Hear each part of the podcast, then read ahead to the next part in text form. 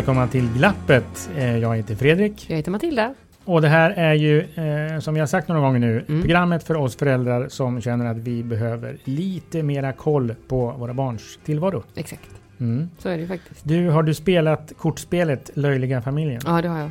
Älskar det. Just det. Jag köpte ett eh, kortspel eh, för några bokmässor sedan som heter så här Bajsfamiljen. Eller så här, Äckliga familjen, förlåt, Okej. Äckliga familjen heter den. Ja. Där man är så här, eh, familjen Blöja och familjen Bajs och familjen. Kisskorv och sånt. Mina barn tycker det är svinkul. Jag förstår. Ja. Och kanske eh, att det kommer ett nytt kortspel efter det här programmet. Mm. För vi ska prata om den bråkiga familjen. Ja, det ska vi göra. Ja.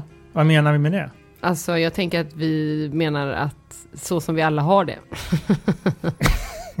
jag tänker att de flesta av oss tänker ju i alla fall lever i familjer där det förekommer bråk. eh, Mellan barn eller mellan vuxna eller mellan barn och vuxna eller så. Mm. Vi har ju haft en, eh, ett program i första avsnittet, eller första säsongen, där vi pratade om bråk. Mm. Mm. Dra åt helvete pratade vi om då. Just det. Ehm, och idag tänker jag att vi ska gå in lite mer i så här, hur ska man tänka då? Ja. När det blir bråk och finns det tips och varför? Och, Jag tänker Ja, men att så. alla eh, familjer jag ser eh, utifrån, du vet, med Mm. de här med kikaren så här. Mm. De bråkar aldrig. Då har det aldrig varit hemma i vår familj. Okej. Men vi Eh, har ja. tagit hit en eh, gäst, har vi verkligen gjort. eller hur? Martin Forster, Mhm. varmt välkommen hit. Välkommen Tack hit. Tackar. Du är psykolog Ja. och du är författare. Mhm. Och du har skrivit boken Fem gånger mer kärlek. Det stämmer. Mm. Men då måste man börja med en sån här eh, fråga så här. Bråkar vi mer nu än för hundra år sedan? Jag tror det. Eh, Jag tror till exempel att mobiler och sånt gör att man kan bli distraherad. Eh, jo, jag tror att vi bråkar mer idag än för hundra år sedan. Jag har inga som helst belägg för det. Men eh, jag eh, har den, det intrycket och eh, det räcker att sträcka sig kanske 20 år tillbaka i tiden. Om man kollar på hur livet var organiserat runt familjen då. Eh, yrkesliv och fritid och så. Så kan man ju se att familjer idag lever ju under betydligt mycket mer press. Mm. Det är ett tajtare schema helt enkelt. Hur, hur märker du det här i ditt eh, värv, höll jag säga? Ja, till exempel märker jag det att när jag träffar en familj eller föräldrar och jag ska försöka hjälpa dem med konflikter så är det väldigt ofta som man ser att stress är en faktor. Att ofta uppstår konflikterna just när det är som stressigast eller i perioder när det är stressigt. Och det första jag ofta behöver göra är att det är ingen idé att vi börjar prata om hur ni ska kommunicera när ni har en konflikt. Utan vi får backa bandet och se hur kan vi frigöra mer tid överhuvudtaget. Lite mer luft i schemat. Mm. Är bråk bra? Ja, eh, det fyller absolut en funktion. Eh, och om det är bråk som eh, inte börjar bli onda cirklar och upprepas liksom enligt något mönster så kan det absolut vara bra. Just det, och, och, och det är då utifrån att det eh, lyfts på lock och eh, den på lock så, absolut. Det, så är det ju generellt. Sen så är det så här, eh, en del kan ju tänka då att eh, om det inte är bråk så är det dåligt. Så behöver det inte vara. det finns liksom, jag har nästan inte träffat dem, men det, kan, det finns ju en annan familj som bråkar ganska lite. Mm. Det behöver inte betyda att de är konflikträdda och går och knyter näven i fickan och sådär. Utan det kan också vara så, att man har haft en jäkla tur med dels medfödda temperament i familjen som ju går i arv till barnen och sådär som gör att det blir lite lugnare. Men också att det, eh, man råkar matcha varandra i familjen. Så att man är Mhm. bra på att svara på varandras behov och så. Så att det, är- det är helt enkelt, det är orättvist, det är ett litet lotteri. I en del familjer blir det mer bråk på grund av personligheterna som ingår i mixen. man blir ju genast nyfiken då, tänker Mm. jag. Eh, Är det ett kriterie som man bör eh, ta i beaktande när man väljer partner? Ja, det kan det ju vara. Sen är det ju så här att bråk, eh, fritt från bråk är ju inte lika med livskvalitet och mycket bråk är inte lika med ett dåligt liv. Utan det beror helt och hållet på eh, konsekvenserna av den här bråken. Mm. Alltså, och såklart lite grann hur ofta och hur mycket och sådär. Men, men eh, i en del familjer så bråkar man dagligen men däremellan en minut senare så är alla glada och skrattar igen. Just det. Och då har ju det bråket kanske inte så stora konsekvenser för relationerna eller familjelivet sådär. Eh, så att, eh, men det är ändå så att om, om vi tar det i allmänhet så tycker de flesta att det är jobbigt med bråk. Mm. När det blir för mycket i alla fall. Mm. Och det är de föräldrar som kommer till mig, de kommer ju ofta med det bekymret. Vi bråkar för mycket. Och det, det påverkar relationerna negativt. För i regel är det ändå så Mm. att det gör det.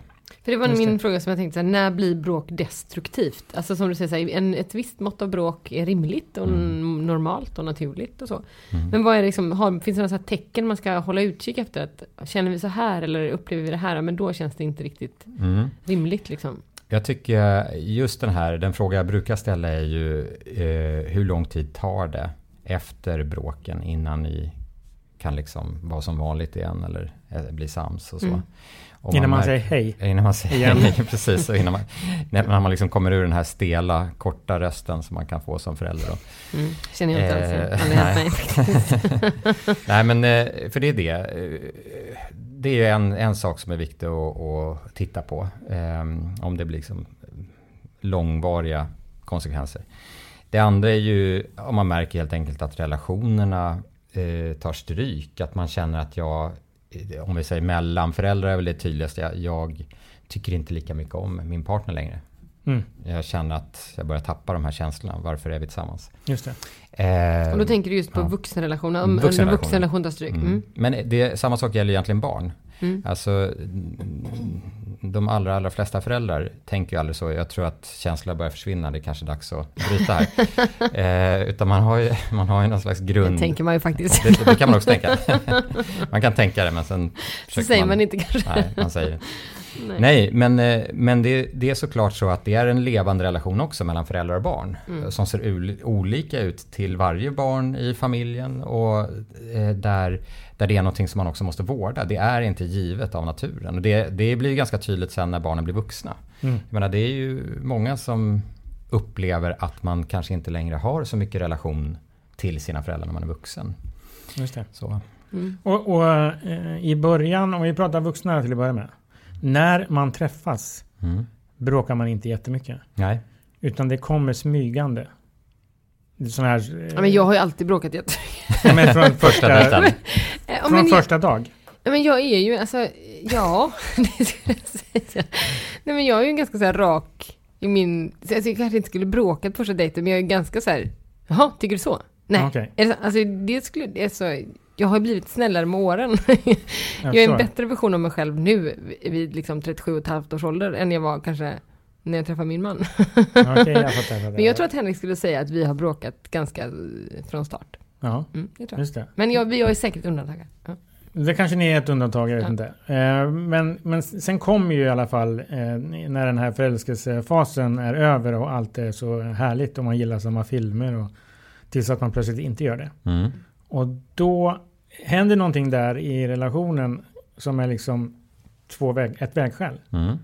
Vad, hur, eh, liksom, eh, kan, hur går den mekanismen till? Så att säga? Ja, alltså eh, om vi pratar om förälskelse så det är ju ett speciellt tillstånd där man tenderar att vara lite knäpp faktiskt. Eh, det, det, på ett så sätt att man inte tänker klart och man ser inte klart, man hör inte klart utan man selekterar och ser till exempel då bara de underbara sidorna hos sin mm, nya partner. Och det gör ju att eh, då blir det inte så mycket irritationsmoment. Man sorterar bort allt det här som kanske är eh, potentiellt dåligt. Eh, Så det är väl en förklaring möjligtvis, själva förälskelsefasen. Men sen så är det ju också en annan sak som kommer in där. Så att vi, det är väl många som upplevt att eh, även en bit in i relationen så kanske det har funkat bra. Sen händer någonting i livet. Mm. Det typiska är ju att man får barn. och då plötsligt så blir det en helt annan konfliktnivå mellan föräldrarna. Just det. Och vad, varför blir det så? Det borde väl vara nästan tvärtom om man tänker rent logiskt. Ja, det kan ju vara tvärtom också. Men, men ofta så uppstår ju mycket konflikter då bara för att det blir en ökad belastning. Mm. Mm. Tillbaka till det. Med stress och Mm. belastning och en massa... Eh, också så att eh, det blir ju ett område där man har eh, ett uppenbart delat ansvar. Man måste fatta gemensamma beslut. Man måste komma överens. Och eh, det kan ju hända att man innan barnen levde ganska parallella liv. På Mm. ett enkelt och trevligt sätt. Just det. Därför jag såg ett eh, YouTube-klipp med dig när du höll ett föredrag. Mm. Och då inledde du det föredraget med att säga att barn eh, mår sämre idag än för eh, ett antal år sedan. Mm. Jag kommer inte ihåg hur länge sedan det var. Men, Ja, det. och, och det har då med den här inledningen som det hade att göra med stressen och det livet vi lever nu. Hur pass mycket sämre mår barn Mm. idag? Då är det så här att barn mår egentligen inte sämre. Utan det är väl ungdomar och framförallt tjejer. Om man tittar globalt så, så finns den här utvecklingen över hela världen. Att eh, tonårstjejer mår sämre. I Sverige är det både tonårskillar och tjejer. Mhm. Eh, men eh, om man säger barn under 12, de mår ungefär lika bra som de alltid har gjort. Så det är någonting som händer i tonåren där. Och eh, man vet inte riktigt varför. Man har inte kopplat det så tydligt till mer stress inom familjer. Eh, men eh, där det finns en tydlig koppling, det är väl framtidsutsikter. Att framtidsutsikterna för en tonåring idag ser helt annorlunda ut än på 80-talet. Då kunde man gå ut nian och få ett jobb. Mm. Och så ser det inte ut idag. Och det här då, kan det ligga till grund för ökad risk för destruktiva bråk? Det tror jag absolut att det kan göra. Eh, Det som man i och för sig mest har sett eh, är väl att ungdomar, tonåringar mår dåligt på så sätt att de vänder känslorna mer inåt. Så det är inte det här utagerandet som har ökat så mycket. Exempelvis så har ju kriminaliteten hos ungdomar, det är en extrem form av utagerande då, Mm. eh, minskat senare år. Mhm. Eh, så så det är väl mer det att ungdomar idag är st- mer stressade, deppigare och mer ångestfyllda. För jag tänker om vi, kom, om vi går tillbaka lite till så här bråken i familjen som du var Mm. inne på nu Fredrik. Eh, vad, vad ska man göra då? Alltså finns det, liksom, finns det sätt att komma ur det? Om man nu upplever att det ändå är bråk som, som eh, tar lång tid, man går omkring och surar hemma på varandra, man kommer liksom aldrig ur det innan ny, nästa bråk börjar. Mm. Vad, finns det något hopp här? Absolut, det Mm. gör det. Det Tack.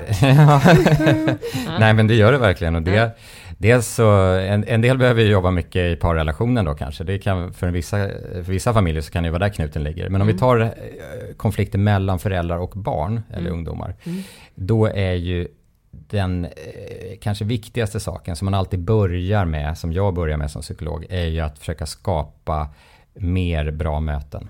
Mm. Möjlighet för fler bra möten. Och det kanske man inte alls är sugen på när man har haft en massa konflikter. Mm. Men det är just det som eh, man måste försöka bryta och vända. Så att Mm. man måste tvinga sig ut på någon aktivitet, ut i skogen eller, ja, behöver inte vara något så präktigt som att gå en skogspromenad. Det kan vara vad som helst, man kan titta på tv tillsammans, man kan göra vad som helst. Men bara man gör någonting tillsammans där ingen har någon direkt agenda att lösa ett problem eller en konflikt eller så. Ja. Utan jag som förälder, det är framförallt föräldern som får ta det ansvaret. Att jag ska bara gå in i det här och mitt enda mål det ska vara att nu tillbringa lite tid tillsammans med mitt barn. Och då är det inga telefoner, hör jag dig säga undermedvetet kanske? Inga Det- liksom störningsmoment? Nej, eller? framförallt från förälderns sida, Ja. exakt. Mm. Så att man måste avsätta tid. Mm. Och då, det, som jag nämnde innan då, så kanske man behöver eh, röja lite i eh, livspusslet först då, Mm. om man ska få den tiden. Mm. Det här brukar vara en bra grund, sen räcker inte det eh, många gånger, men, men det är en nödvändig grund skulle jag vilja säga. Mm. Och jag tror att alla kan känna igen det här. Eh, lättare att känna igen det egentligen med, i vuxenrelationer. Om man tänker på hur det är med ens partner eller med eh, kollegor, chefer på jobbet och sådär. Om man, låt oss säga, haft eh, ett jobbigt möte Mm. eller ett jobbigt samtal och sen gör partnern, kompisen, chefen någonting som stör lite. Då är tendensen att hugga på det oändligt mycket större. Om man har det där jobbiga mötet i bagaget. Mm. Har man haft en trevlig lunch och så gör personen det här, då är ju risken mycket mindre att man ska gå igång på det. Chansen är större att man ska kunna liksom ha lite överseende, skoja, och, skoja om det och så vidare. Jag tycker också det är en härlig grej i din bok. Eh, Du har det som ett så tankeexperiment. Vad skulle chefen gjort? Visst Mm. heter det så? Ja, just det. Ja, det tycker jag också är en fantastisk lek. Jag har gjort den några Mm. gånger själv.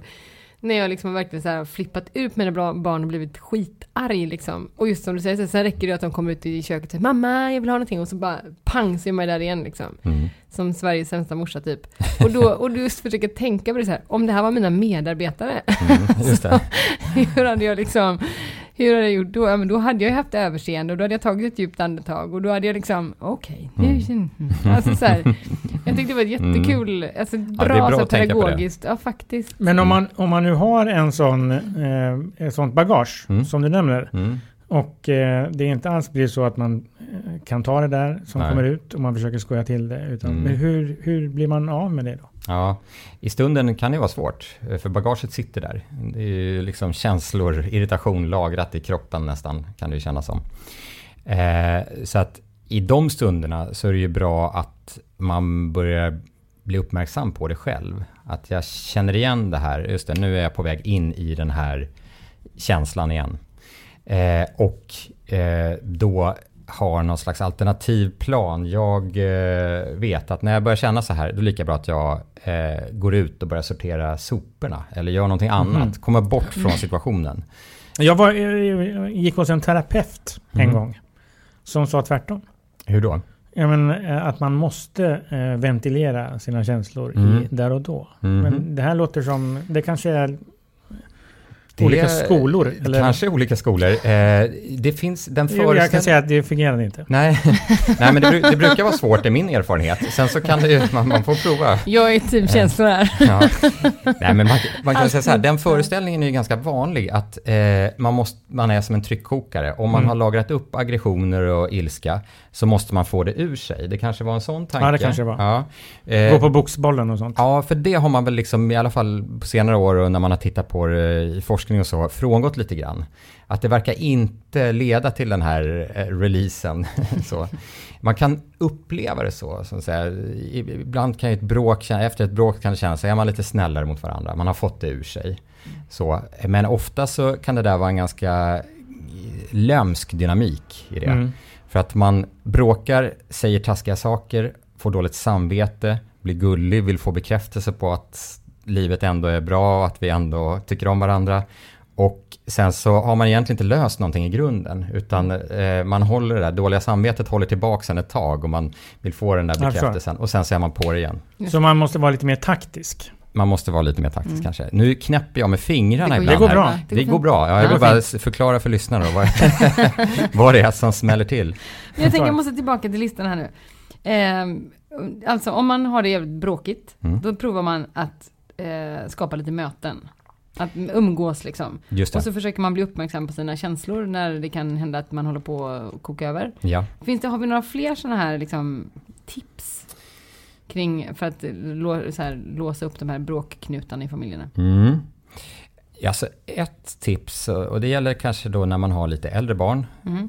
tonåringar, är ju att det är väldigt bra att inse att de håller på att bli vuxna. Och eh, att komma ihåg att jag måste släppa kontrollen på en del saker. Mm. Jag kan inte ha samma koll eller eh, insyn kanske som när de var små. Och jag måste ge dem det förtroendet.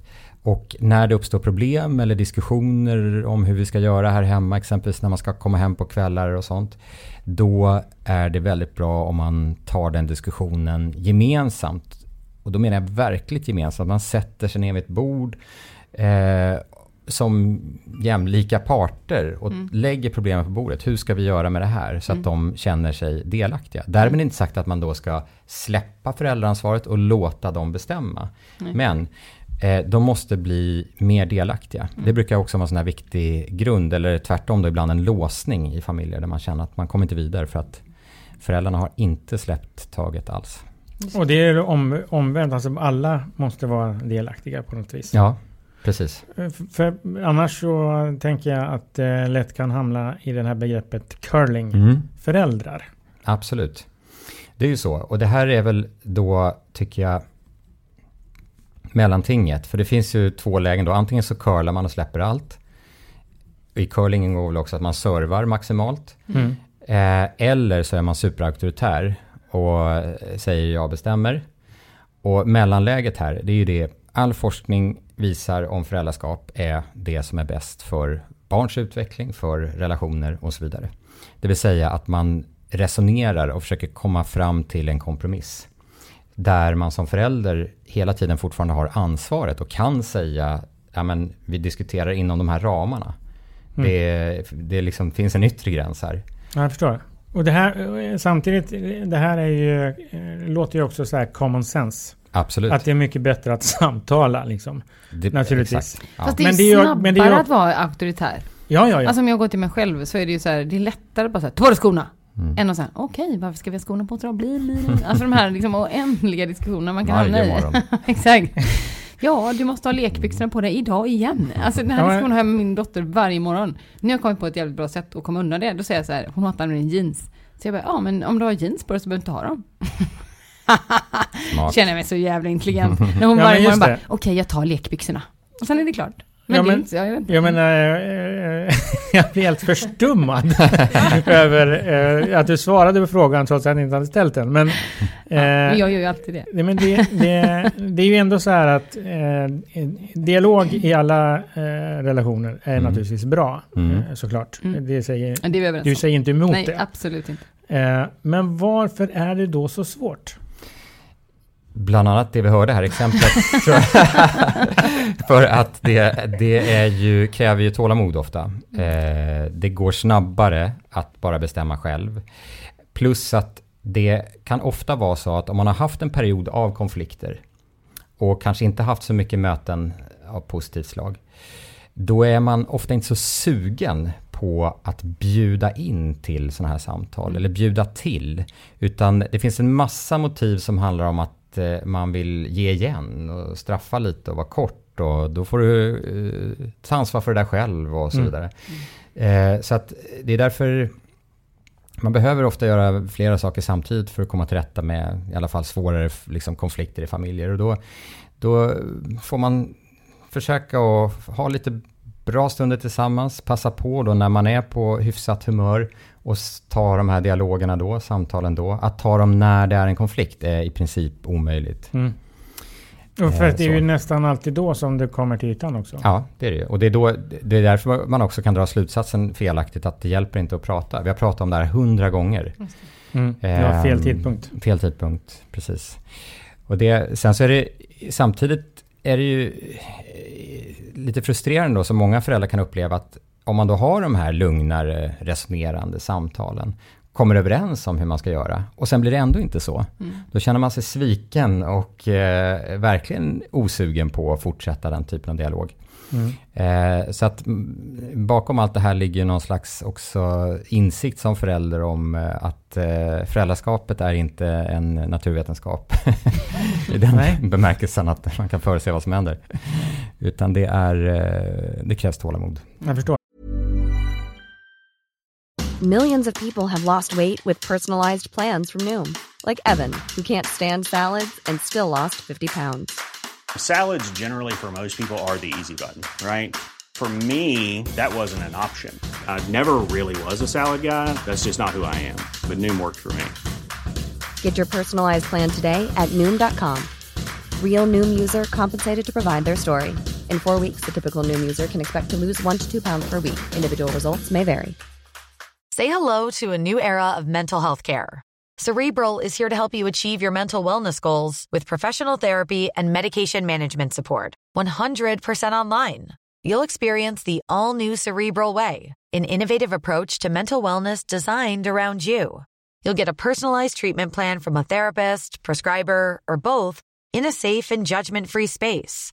Your cerebral therapist or prescriber will outline a customized plan with clear milestones along the way so you can get to feeling your best. With Cerebral, you're not alone in your mental health journey. We're here to empower you to live a fulfilling life. So take that first step towards a brighter future and sign up today at cerebral.com slash podcast and use code ACAST to get 15% off your first month. Offer only valid on monthly plans. Other exclusions may apply. Offer ends July 31st, 2024. See site for details. Jag tänker att jag skulle vilja glida över också i så här, syskonbråk. Mm. Eh, bråk mellan syskon. Jag vet att jag såg det tror jag på, om det var Nyhetsmorgon, Mm. eh, någon gång när du pratade just om så här, syskonbråk och hur ska man förhålla sig till, till barn och syskon som bråkar liksom. Och så tror jag ditt första råd var så här, ja men låt dem lösa det själva. Mm, Så här, gå inte in och håll på och fippla liksom. just det. Eh, och jag tänkte så här, smart, Mm. smart. Tänkte jag, "Ah, kommer spara mig så mycket energi. Eller hur? Men alltså, det är ju inte så enkelt. Nej, och där får, Alltså- jag, där får jag nog lov att revidera mig själv också. Nej, det kan vara min tolkning Ja. här. Alltså, Ja. det behöver inte vara det du sa. Jo, jag tror det, för jag vet att jag har sagt sånt. Och sen har jag eh, insett eh, när jag liksom har fördjupat mig ännu mer i det och Ja. senare forskning, för tidigare så sa man alltid så här, det är bra att liksom släppa eh, små konflikter och låta dem sköta det själva. Mm. För annars så kommer man in som förälder och, och liksom blir en del av konflikten och så. Mm. Mm. Men sen visar det sig när man då har studerat hur syskon bråkar, om de får sköta det själva. Så i, tror jag, i nio fall av tio så är det den starkare eller större Ja, som, som vinner. och så bara kör över liksom lillbrorsan eller... Det kan jag helt Mm. skriva under på. Ja. Mitt äldsta barn är alltid så här, okej nu, nu gör vi inte så här mer. Nej, precis. Så det är liksom ingen, det är, det är ingen lärorik så här erfarenhet för barnen direkt. Eh, så att, eh, därför så har jag nu gått över till att säga att lägg dig i. Och gud vad skönt, Ja. eller det var jobbigt. Eller? Ja, precis. okej. Mm. Nej, men lägg, att man som förälder, m- och med lägga sig i så menar jag att man ska finnas där och vara ett stöd Mm. i den här konfliktlösningen. Man ska inte ta över den, för det är väl det man ofta gör också, apropå att ta en genväg. Mm. Domaren. Att man blir domare. Man säger så här, men ge tillbaks den där nu, det, det var hans, eller så. Det är ju absolut lättast att göra så, snabbast, och man blir också kanske sugen på att tillrättavisa det här barnet som, ja, Var lite dumt. lite dumt. Mm. Så att där gäller det att eh, bromsa lite. Mm. Och hur, hur gör man då? Om ni två bråkar nu då, Ja, eh, så skulle jag säga, vänta, stopp, stopp, vad händer här? Vänta, just det. berätta, vad, vad var det som hände? Så får du berätta först. Eh, ja. Ja, Hon bara avbryter hela tiden. hon bara avbryter. Säger jag då. Får Ja. prata hela tiden. Kände du att hon gjorde det nu? Att hon avbröt Ja. dig? Ja. Vad, vad tyckte du? Vad, vad hände? Vad, vad tycker du? Vad var det som hände? Nej, men han pratade så mycket som vanligt, jag var tvungen att avbryta. Du, var, du kände dig tvungen att Ja, avbryta? annars fick jag inte sagt Ja. vad jag skulle säga. Men du tycker också att du tyckte att du avbröt? Ja, det tyckte jag. Det tyckte du. Men, Ja. men samtidigt så pratade han jättemycket. Exakt. Okej, hur ska vi kunna lösa det här då? Jag Han- pratar mindre. Du pratar mindre, Ja. jättebra. Ja, Ja. Varsågod. Ja. Tack så mycket. Ta över. Ja. Ja. Så det här breaket är det vik- viktiga och att, man, att båda får göra sig hörda och att man som förälder då inte värderar det utan bara klargör och visar att man förstår Mm. Och om någon är ledsen så tröstar man den och sådär. Och låta barnen få syn på vad det handlar om. Exakt. Och, Jag tänker, Mm. kan man liksom vetenskapligt belägga att man får pay-off på det här? Ja, det finns två studier i alla fall där man har prövat just den här modellen. Då har föräldrar fått lära sig att göra så här och sen så har man följt upp vad som händer. Och det som var lite intressant var väl, jag tror i båda studierna så Mm. såg man inte att det blev inte färre konflikter mellan syskonen. Men deras relation blev bättre, de tyckte Just. Mm. bättre om varandra och de eh, var också eh, hade mer konstruktiva lösningar Mm. på konflikterna. Så att eh, det hänger också ihop med forskning om syskonrelationer i stort, där man kan se att det är kanske inte antalet konflikter under uppväxten som avgör hur relationen ser ut i vuxen ålder. Mm. Utan det är just, har man också kunnat haft kul tillsammans. Mm. Just det. Det är värdefullt. Just det. Om, om jag eh, har ett barn eh, som eh, bråkar med en kompis Mm. Och det här kommer upp till ytan. Mm. Då har jag, eh, ska jag villigt erkänna, direkt börjat mer eller mindre halvdemonisera det här andra barnet i den andra familjen som liksom har gjort fel. Mm. Eh, hur det, det, lå- när jag säger det så låter det ju inte särskilt sunt. Nej, men jag förstår det och det där är jätteintressant tycker jag. Eh, jag har ingen liksom direkt kunskap att luta mig på här eh, när det gäller den frågan. För det är klart Förutom- att man skyddar sin, sitt barn. Ja, för att det är, en del barn har, som jag har mött upplever ju tvärtom. Att föräldrarna genast tar det andra barnets parti och du Mhm. gjorde säkert någonting som provocerade och så vidare. Eh, så att man blir liksom lite skuldbelagd själv. Mm. Så det beror väl lite på eh, vilken bild föräldrarna har av det här barnet och hur det brukar vara och så. Ja, men jag blir lite Mm. så här rädd för mig själv nämligen. Eh, när man tänker på det här gamla ordspråket, mina barn och andras ungar. Mm. Såklart. Precis. Nej men jag tror att, Det känns ju inte så eh, soft. nej vad, tror, vad skulle du vilja göra istället då? Nej, inte det andra. Nej, precis. Inte det andra. Nej, men jag, för jag, jag tycker att det är en int- intressant fråga. Eh, och Mm. det finns ju säkert massa svar beroende på situation. Men jag tycker det är intressant just för att jag kan ju se verkligen ett värde i, eh, för ett barn att känna den här starka lojaliteten. Att någon har alltid min rygg. Mm. Eh, Och veta det. Det. Eh, det tror jag är oerhört värdefullt för barn. Å andra sidan är det ju också viktigt för barn att lära sig s- och, och liksom se andras perspektiv och, och inte genast eh, lägga skulden på någon annan i en konflikt. Men ska man åka hem det- till eh, den här eh, grannens föräldrar och ha någon slags eh, samtal tillsammans? Är det Om- att gå för långt eller? Nej, om, det beror ju helt på hur konflikten ser ut. Om det är, låt oss säga en mobbningssituation. Mm. Om ens barn har blivit utsatt på det sättet, då tycker jag absolut man kan göra det. Och då, Men inte när Anton tog min bil. Inte då, nej. Nej. Och sen så tycker jag ju då att om man ska ta kontakt med andra föräldrar så ska man göra det först utan att barnen, båda de inblandade barnen är med. För Okej. det blir en oerhört obehaglig situation för barnen annars, i regel. eh, Två eh, otränade som bråkar inför sina barn. Perfekt. precis, så blir det slagsmål mellan föräldrarna. Ja. Ja, just det. Jag tänker att jag också skulle vilja komma in på det här med eh, fem gånger mer kärlek. Mm. Ehm, det är så lustigt, min eh, mamma ringde till mig för några år sedan. Eh, hon ringer till mig oftare än så, men i Mm. alla fall för några år sedan. Så sa hon så här, ja, jag har hört på radion, så var det en, en kille som jobbade, tror jag, en lärare som jobbade i en klass. Men sen värstingbarn, typ, Mm. om man nu får, det ju- finns ju inget sånt, utan barn som hade helt enkelt andra utmaningar i skolan. Mm. Eh, och så sa han att jag har två trick för att liksom få dem på rätt köl.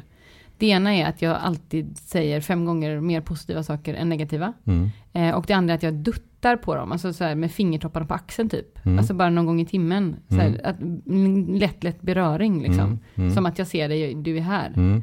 Eh, och det gjorde så otroligt stort intryck på mig. Så jag har, när jag jobbade på Lärarförbundet och föreläste om kommunikation, Mm. så har jag använt den liknelsen. Att så här, vi måste prata fem gånger bra om det här vi ska Ja. prata om.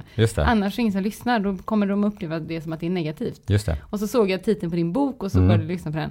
Och det där är ju jäkligt spännande och Mm. väldigt utmanande som förälder.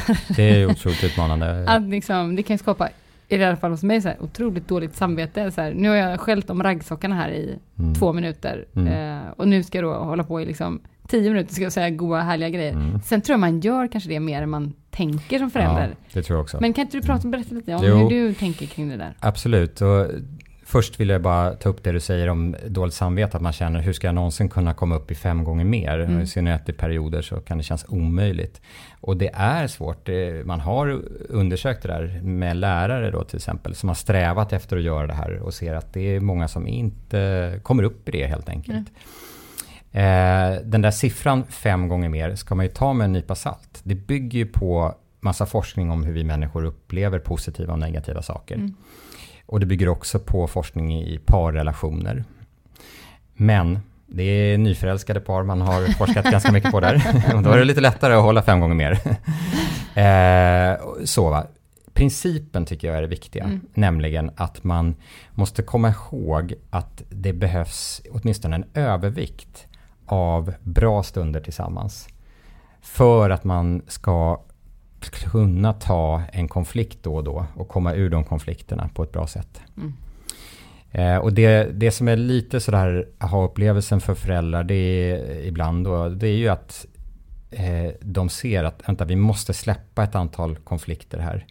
Eh, det, det är helt nödvändigt för att nu har vi den här obalansen och innan den balansen är fixad så är det ingen idé att vi försöker att peta i enskilda problem här. Men det här är, handlar ju också om att om man väl hamnar där, Mm. att man nu måste vi bryta det här mönstret. Mm. Då är, har man väl oftast passerat eh, bäst före-datumet på eh, liksom hela relationskopplingen på något vis. Absolut. Och då Mm. är det ju nästan för sent inom situationstecken. Hur tar man sig ur det? För man är, det är ju beteenden som ska ändras. Så Mm. det vet vi ju med människor att det kan vara svårt Det är det. och utmanande. Absolut. Och det är de sakerna vi redan har pratat om egentligen. Att avsätta tid för möten där enda målet är att nu ska vi umgås. Jag har ingen annan agenda som förälder. Det är det ena för att få upp mer tid. Det kommer inte vara underbart harmoniskt och roligt i början då. Eh, det andra man måste göra det är att eh, då försöka hålla igen. Det här när man känner irritationen, ilskan bubbla upp, att gå undan, gå åt sidan, avleda sig själv från den här stunden så att man inte hugger på varje impuls när man känner den här någonting som stör. Mm. För, och det är egentligen det viktigaste på ett sätt. Eller så här, eh, båda saker är nödvändiga skulle jag vilja säga. För att eftersom det är så här att det krävs så mycket mer positiv tid tillsammans, bra stunder. Varje dålig stund eller varje liten konflikt förstör så mycket. Den väger Mm. så tungt. Förstör den fem gånger mer Ja, än vad så kan man säga. något positivt bygger. Så kan man säga, ungefär så. Och det, den här siffran 5, det är olika. Det finns som sagt mycket forskning på det och det handlar nog i grunden om hur vi människor är programmerade rent genetiskt. Evolutionen har gjort att vi är bra på att identifiera hot, faror, negativa händelser. Vi ser dem mer, vi kommer ihåg dem mer och så vidare. Men inte analysera dem. Nej, inte Utan vi analysera ser dem. dem. Vi ser dem och reagerar på dem, Ja. ganska instinktivt ofta. För att det är någonting som vi eh, just programmerade för att liksom, eh, antingen fly från eller slåss mot. Eh, och där har man gjort oändligt mycket forskning när man ser det här mönstret upprepas i alla möjliga sammanhang. Till exempel, ett löjligt exempel, men eh, man blir mer förtvivlad av att tappa en hundring än vad man blir glad över att hitta en hundring. Eh, så förlusten är värre, förlustaversion brukar man prata om. Mhm. Förlusten av en summa pengar är liksom värre än att vinna eller få motsvarande eh, summa pengar, den motsvarande glädjen. Sen är det svårt, hur, hur liksom mäter man det här, hur väger man det? Men det är samma mönster som upprepas i alla möjliga studier. Och det, det är väl det som eh, slår igenom även här då i relationerna. Att har man haft en konflikt, ett Så är man rädd att förlora hela kakan på en Ja, gång. och att det bara får den effekten. Ett elakt ord. Eh, om du hade inlett vårt samtal här med en lätt förolämpning mot mig. Eh, vi bara säger det.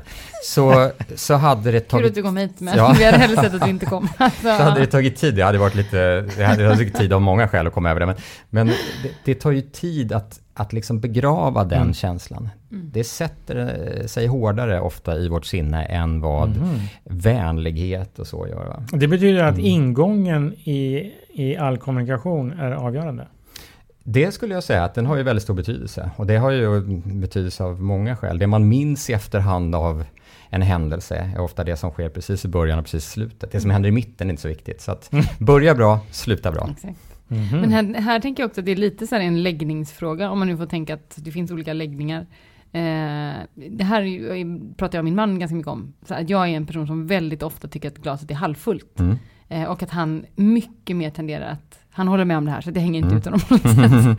Men att det är liksom halvtomt. Ja. Eh, och att vi ibland kan ha svårt att mötas i det där. Mm. För att jag kan bli så jävla förbannad över att han aldrig, eh, och han kan bli så förbannad över att jag alltid liksom ska så här vara snar till nästa lösning, eller att jag är så här redan på väg någon annanstans, eller jag har redan så här. Mm. Så jag tänker att eh, det är klart att jag också blir sårad av jobbiga ord liksom. Det är inte, jag är ju gud, jag är ju människa liksom. Mm. Eh, men jag skulle säga att jag har en, nog en benägenhet att bli lite mindre störd, Ja. kanske, än gemene Och alla är olika. negativist person. Och alla är olika och det, det är ju väldigt väl belagt att barn redan från början, alltså vi föds olika när det gäller den här typen av grundläggande sätt att reagera på saker och ting. Så är det.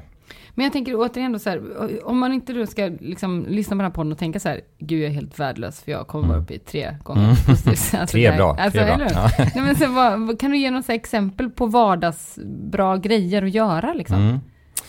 Eh, ja, Som inte har något syfte. som inte Ja, har något precis, syfte. exakt. Precis. Jag vet Eh, inte vad det betyder en gång. Nej, men jag tycker, jag tycker ju så här, jag kommer tillbaka till det igen, det är ju Mm. min käpphäst, så att Mm. eh, ni får ursäkta. Ja, det går bra. Det går bra. Vi det här. ja, nej men det är ju eh, att ta en, om man inte får till liksom nu ska vi göra något roligt tillsammans här ikväll, Mm. om det inte går, ta fem minuter, sätt dig ner och bara intressera dig för vad ditt barn gör. Mm. Ställ inte massa frågor, för det tycker inte de flesta barn om. Utan sätt dig bara ner och titta och kommentera. Vad, vad håller du på med? Mm. Mm. Ungefär så. Alltså bara en liten stund. Eh, eh, återigen kan man dra parallellen till parrelationer som många har lätt att känna igen sig i. Mm. Alltså den här, det har man ju gjort eh, som ett standardinslag i parterapi ofta. När man då kommer hem från jobbet, då ska man ta fem minuter och bara checka av hur var din dag? Mm. Hur var din dag? Innan man börjar liksom med matlagning, eh, planera vardagslivet. De där små stunderna eh, är oerhört viktiga och de behöver inte ha något direkt syfte. Alltså jag behöver inte ha ett mål med det, att nu gör jag det här för att. Det är inte manipulativt. Nej. Utan jag ger mig själv en paus Mm. och eh, jag gör det här bara för att jag och vi ska må bra. Mhm, mm. Men det är Då också har man ett mål i och för sig, men... Ja, men, ja, men jag tänker också att eh, eh, intressera dig lite för den andra. Mm. Eh, det är ju också, man kan ju inte bara mekaniskt fråga hur var din dag? Exakt. Så himla med ögonen och titta på klockan och öppna Precis. kylskåpet. Nej, det är ju följdfrågorna där som är avgörande. Ja, Mm. just det. Mm. Helt klart. Och Närvaro. Det, ja. Närvaro. Och det är ju det, jag tror... Jag tror de flesta är med på det här att det är bra att vara nyfiken på varandra. Det är bra att vara närvarande. Bra att vara lyhörd. All, alla de här värdeorden. Mm. Både i relationer till vuxna och barn. Eh, men eh, anledningen till att min käpphäst är det här med att avsätta tid. Det är för att det är så svårt att bara i flödet av händelser under dagen komma på att vara närvarande, lyhörd och nyfiken. Så att jag förändrar förutsättningarna för mig själv. Eh, vi byter miljö, det är en sån där bra grej att göra. Mm. Till exempel. Byta miljö, kom ut bara. Eh, lämna hemmet. Eh, Ja. experimentera mycket mer med eh, förutsättningarna, miljön, än, eh, än att försöka piska er själva och ändra ert beteende i den liksom... Samma miljö hela Ja, tiden. precis. Mm. Just det. Nej, för jag tänker att eh, det där med att eh, fråga hur har din dag varit? Mm. Efter, eh, jag kan tänka mig, nu har jag ingen erfarenhet av det, men tio år när man ställt den frågan så tenderar den kanske att bli ungefär likadan. Kan bli. Mm. Och då får man försöka vara kreativ. Fast har man å andra sidan haft det tipset med sig i tio år så kanske man ska göra någonting annat. man Kanske. Ja. Man varierar sig. Ja. Jag tänker så här, eh, liksom, ehm, att stryka sitt barn över ryggen, ge det en kram. Mm. Är det sådana här positiva grejer? Eller måste man säga liksom med ord? Jättebra poäng. Eh, alltså där gäller det ju att hitta, apropå lyhörd då, Mm. att hitta eh, sätt att vara med sitt barn som det här barnet gillar. Mm. En del älskar ju det fysiska Mm. och det är ett fantastiskt verktyg på massa sätt. Mm. Eh, och verktyg är kanske fel ord. Jag tänkte på det när du sa det här, om man gjort det här i tio år och sådär. Det är lätt när, vi, när man pratar om hur ska man göra som förälder, man ger sådana här tips. Att man hamnar i det här eh, verktygslåda. Mm. Att jag ska på något sätt laga familjen, operera här på det här så att det funkar bättre. Eh, och det gäller att inte tappa bort det här grundläggande. Varför gör vi det här? Ja, men det är apropå nyfikenhet. Mm. Att ställa den här frågan, hur var din dag? Om det finns en grundläggande nyfikenhet, om jag får fatt i den i mig själv och ställer följdfrågor som har att göra med att jag verkligen får reda på saker som, som är spännande för mig att höra. Då är det inte längre ett verktyg, utan då är det en relation. Då är det ett, ett genuint Mm. samspel som utspelar sig där. Så de här verktygen att avsätta lite tid hit och dit, det är ju bara för att få igång ett naturligt samspel. Just det. Likaså det här med att klappa på ryggen och sådär. Om Mm. man känner att man faller in i det och det blir liksom något naturligt. Som i, kan säga i, i vår familj så har våra två äldre barn inte varit så jätteintresserade av det. Men minsta barnet nu har vi ju bara fallit in helt naturligt i det. För att han söker hela tiden upp sådana situationer. Mm. Och det där märker man som förälder förstås. Ja, precis. Och gäller att svara på det bara. Mm. Jag tänker också att där, alltså där kan man ju också verkligen lura sig själv som förälder. På Mm. ett bra sätt. Alltså, ehm, just när det har varit tunga perioder, eh, tycker jag, så kan jag liksom... Eh, ja men till exempel så har jag bytt så här, eh, skärmsläckare på min telefon. Eh, till mitt ena barn som jag är lite mer irriterad på för tillfället. Och så är det en jätteglad bild på henne. och det är så här, det är en skit, jävla skitsak liksom. Men jag tycker fan att det hjälper. Att jag tittar på den telefonen och ändå känner så här, Mm. Ja, det är inte så dum när hon är sover typ. Nej men alltså, att ändå så här hitta de där som blir lite så här luriga. Det kanske är lite konstlat från början, men det skapar en genuin Alla- känsla i Alla liksom, sätt är kroppen. bra utom de dåliga. Ja men faktiskt, och att ibland tänker jag, jag tänker väldigt mycket på barnuppfostran, men det har vi vedertagit nu här i den här podden. Ehm, och ja, det var en känsla jag hade efter förra, eh, i vår förra poddinspelning, så kände jag så här för första gången på, liksom då, mitt äldsta barn är nio år, Mm. Eh, att jag kanske inte behöver tänka så mycket på barnuppfostran. Nej. Nej men exakt. För att Bara jag vara. faktiskt har det i mig liksom. Mm. Och jag tror att det har alla föräldrar. Det Mm. har inte med mig att göra, utan det, jag tror att det är en jävligt... Jag tror att vi glömmer bort det. Mm. Att fasiken, om jag bara som du säger så här, stannar upp eller gör de här små löjliga sakerna, det är, räcker liksom. Mm. Det räcker att jag stryker mina barn över ryggen och har dem som skärmsläckare på telefonen.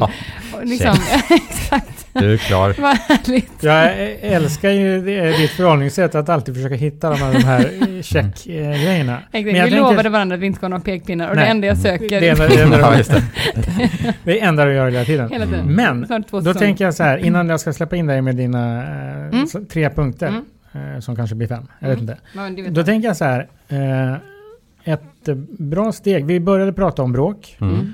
Och sen har vi hamnat i eh, samtal om hur man hanterar det här och hur, vad man kan göra åt det. Och då fastnade jag i det vi har pratat om här, närvaro Mm. och vara intresserad. Mm. Är det liksom två enkla, inte Mm. verktyg? Försöker du ta min Ja. uppgift nu och summera den? Nej, Alltså, men jag tänker ändå jag. att det Ja. har ju med allting att göra egentligen. Ja, det har det Oavsett det, verkligen. barnuppfostran, relationer eller Mm. arbetskamrater eller whatever. Precis. Verkligen. Mm. Det är två grundläggande kan man säga, förutsättningar för ett bra samspel. Mm. Och det, tror jag. Ja, men jag och det, det blir ju så otroligt rimligt när du säger Mm. det. Eh, men så i vardagen så fullständigt icke rimligt. Eller Ja, det, man, det är inte det man tänker på. Man har Nej. glömt bort massa saker. Mm. Mm. Det var, det var mitt sätt att stjäla eh, precis. dina tre sista. Ta mina, exakt. Men du får gärna ta dina tre ja, nu, vad går du när ja. jag har givit svaret. Exakt. Men du kan se om du kom på lika bra som jag. Ja. Eh, men så här, eh, jag tänker att ehm, mm, mm, mm, mm. jag tänker att vi måste så här, vi det försöker vi också säga i varje podd, men eh, att liksom good enough parenting är Mm. gott nog. Liksom. Mm. Och att vi lever i en stressig värld, det är ett faktum. Eh, och jag tänker att hamnar man i ett destruktivt mönster i sin familj med mycket bråk, så är det kanske gott även som vuxen att sortera i stressen. Mm. Alltså det behöver inte, jag tänker att det behöver inte vara så här också ett, ett barn, alltså nu ska vi lösa att barnen har så mycket konflikter, vi, har, Mm. vi bråkar så mycket, ja absolut, det är ju skitjobbigt, för det är det ju verkligen. Eh, men att så här, det kan också komma ut någonting positivt som vuxen, om man sätter sig ner och gör ett schema för veckan, eller på olika sätt försöker sortera liksom. Absolut. Eh, så det tänker jag att jag tar med mig, att det är både Ja. ett vuxen och barntips. Ja. Eh, jag tänker också att jag tar med mig att det finns hopp. Mm. Alltså det, liksom, det finns, det är med ganska små medel så går det faktiskt att göra stor skillnad. Mm. Och de medlen behöver inte vara att man ska gå tio år i terapi och bli en annan människa. Utan den kan handla om att man liksom avsätter tid. Ehm, och eh, sen tänker jag ändå på det här med syskonbråk. Det tycker jag är eh, vrålintressant. Eh, dels för att jag själv är äldst av tre Mm. eller fyra syskon så vi har bråkat hur mycket som helst. Och mina egna barn. Men, men det som du eh, pratar om där, att det handlar om att liksom bygga deras relation, att hjälpa syskonen att bygga deras relation. Då kommer de också ha, de kanske inte slutar bråka, men de kommer ha jävligt mycket roligare. Ja, Eh, och det är en klar uppsida liksom. absolut. Ehm, och att det tycker jag var sån här, det, det tar jag med mig till mina barn. Att fasiken fortsätta, så här, fast de är asjobbiga ibland, när man tar ut dem på grejer. Så här, att fortsätta göra det. inte, att- inte skilja på dem liksom. Nej, exakt. Mm. Utan, för så har vi gjort ibland, att så här, vi tar varsitt, nu orkar vi inte Mm. med bråk mer. Ehm, men att faktiskt också, och det tror jag är bra att göra Ja. ibland ändå. Så. Men att inte liksom ta det för att det är den enkla vägen. Mm. Utan att faktiskt låta dem gnuggas på varandra. För Mm. att det också leder fram till någonting gott. Mm. Så att stress, det är en faktor i vårt samhälle. Vi får hitta olika sätt att eh, lätta på den. Det Mm. tror jag är bra för oss alla att reflektera över. Två, det finns hopp när man bråkar. Eh, och det är ganska, med ganska enkla medel ändå. Som vi skulle kunna ge, skapa stor skillnad. Och att det är viktigt att låta sina barn bygga relationer med varandra. Både Bra. gällande bråk och gällande kul grej. Bala- det som en rimlig- balans. Ja, balans. Mm. Var det en rimlig sammanfattning tycker du? Absolut, jättebra. Något tillägg? Nej, Nej. Rimligt. Var intressant. Ja, jätteintressant. Superkul. Och vi har, fick också lite snabb eh, terapi här. Ja, det var ju så skönt. Nästa podd kommer bli helt annorlunda. Känner, känner du att vi har en starkare relation? Ja, jag känner det.